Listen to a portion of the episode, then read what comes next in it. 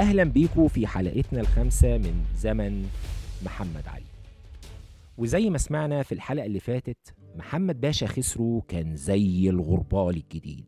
له شدة وبعد كده هدى والظلم فاق وعدى واللي مش عاجبه على المشنقة ودى والضرايب والمكوس والفردة وحق الطريق كانت يومية وردة.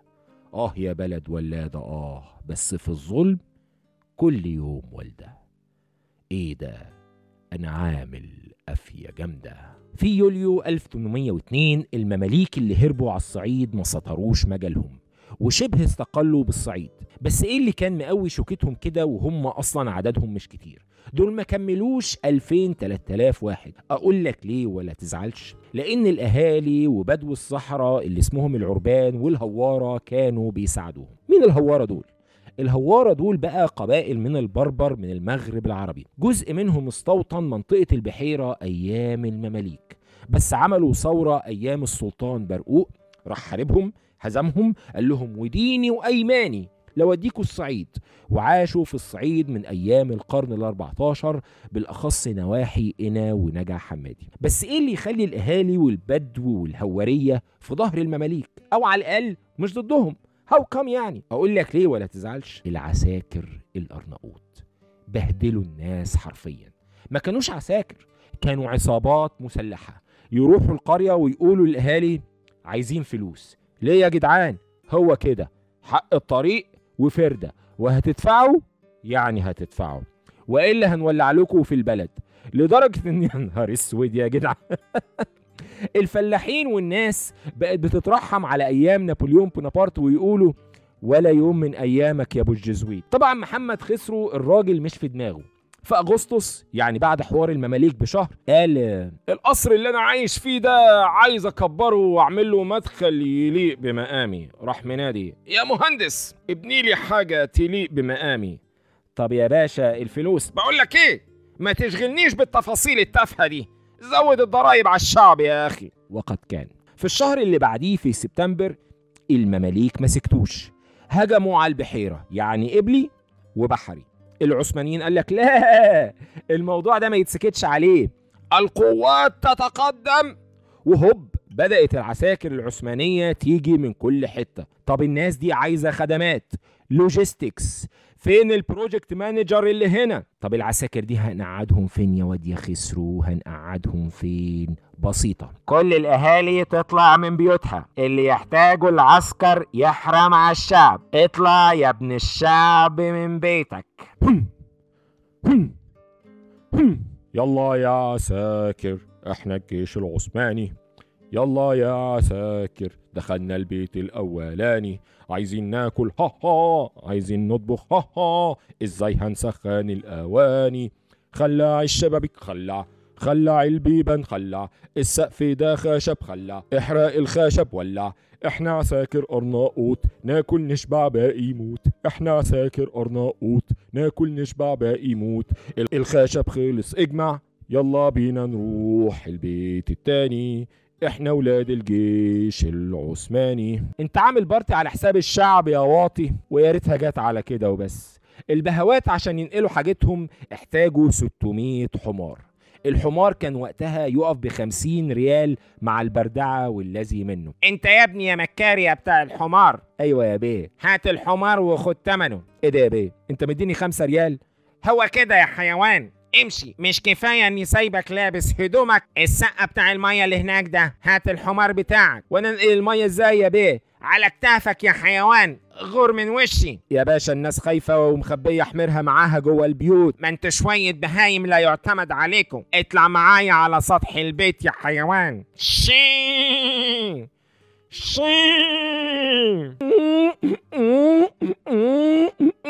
أديك سمعت الحمار يا حمار. اكسر عليهم باب البيت وجيب الحمار واجلد صاحبه عشان يحترم نفسه بعد كده. ولأن ربنا عز وجل لا يصلح عمل المفسدين. يوم 21 نوفمبر وقعت معركة في دمنهور بين القوات العثمانية والمماليك. وعلى الرغم من قلة عدد المماليك بالقياس للجيش العثماني اللي كان حوالي 14 ألف جندي ولكن الهزيمة كانت ساحقة للعثمانيين. ودي كانت صدمة كبيرة قوي لمحمد باشا خسرو اللي قال طب ربنا المعبود ما هيشموا مني نقود. آه يا جرابيع وعاملين على الشعب جنود. ولأن كل فعل له رد فعل العساكر عايزين فلوس. طب نجيبها منين؟ من النفوس. كمية حوادث الخطف والقتل اللي حصلت تقطع قلب الكافر.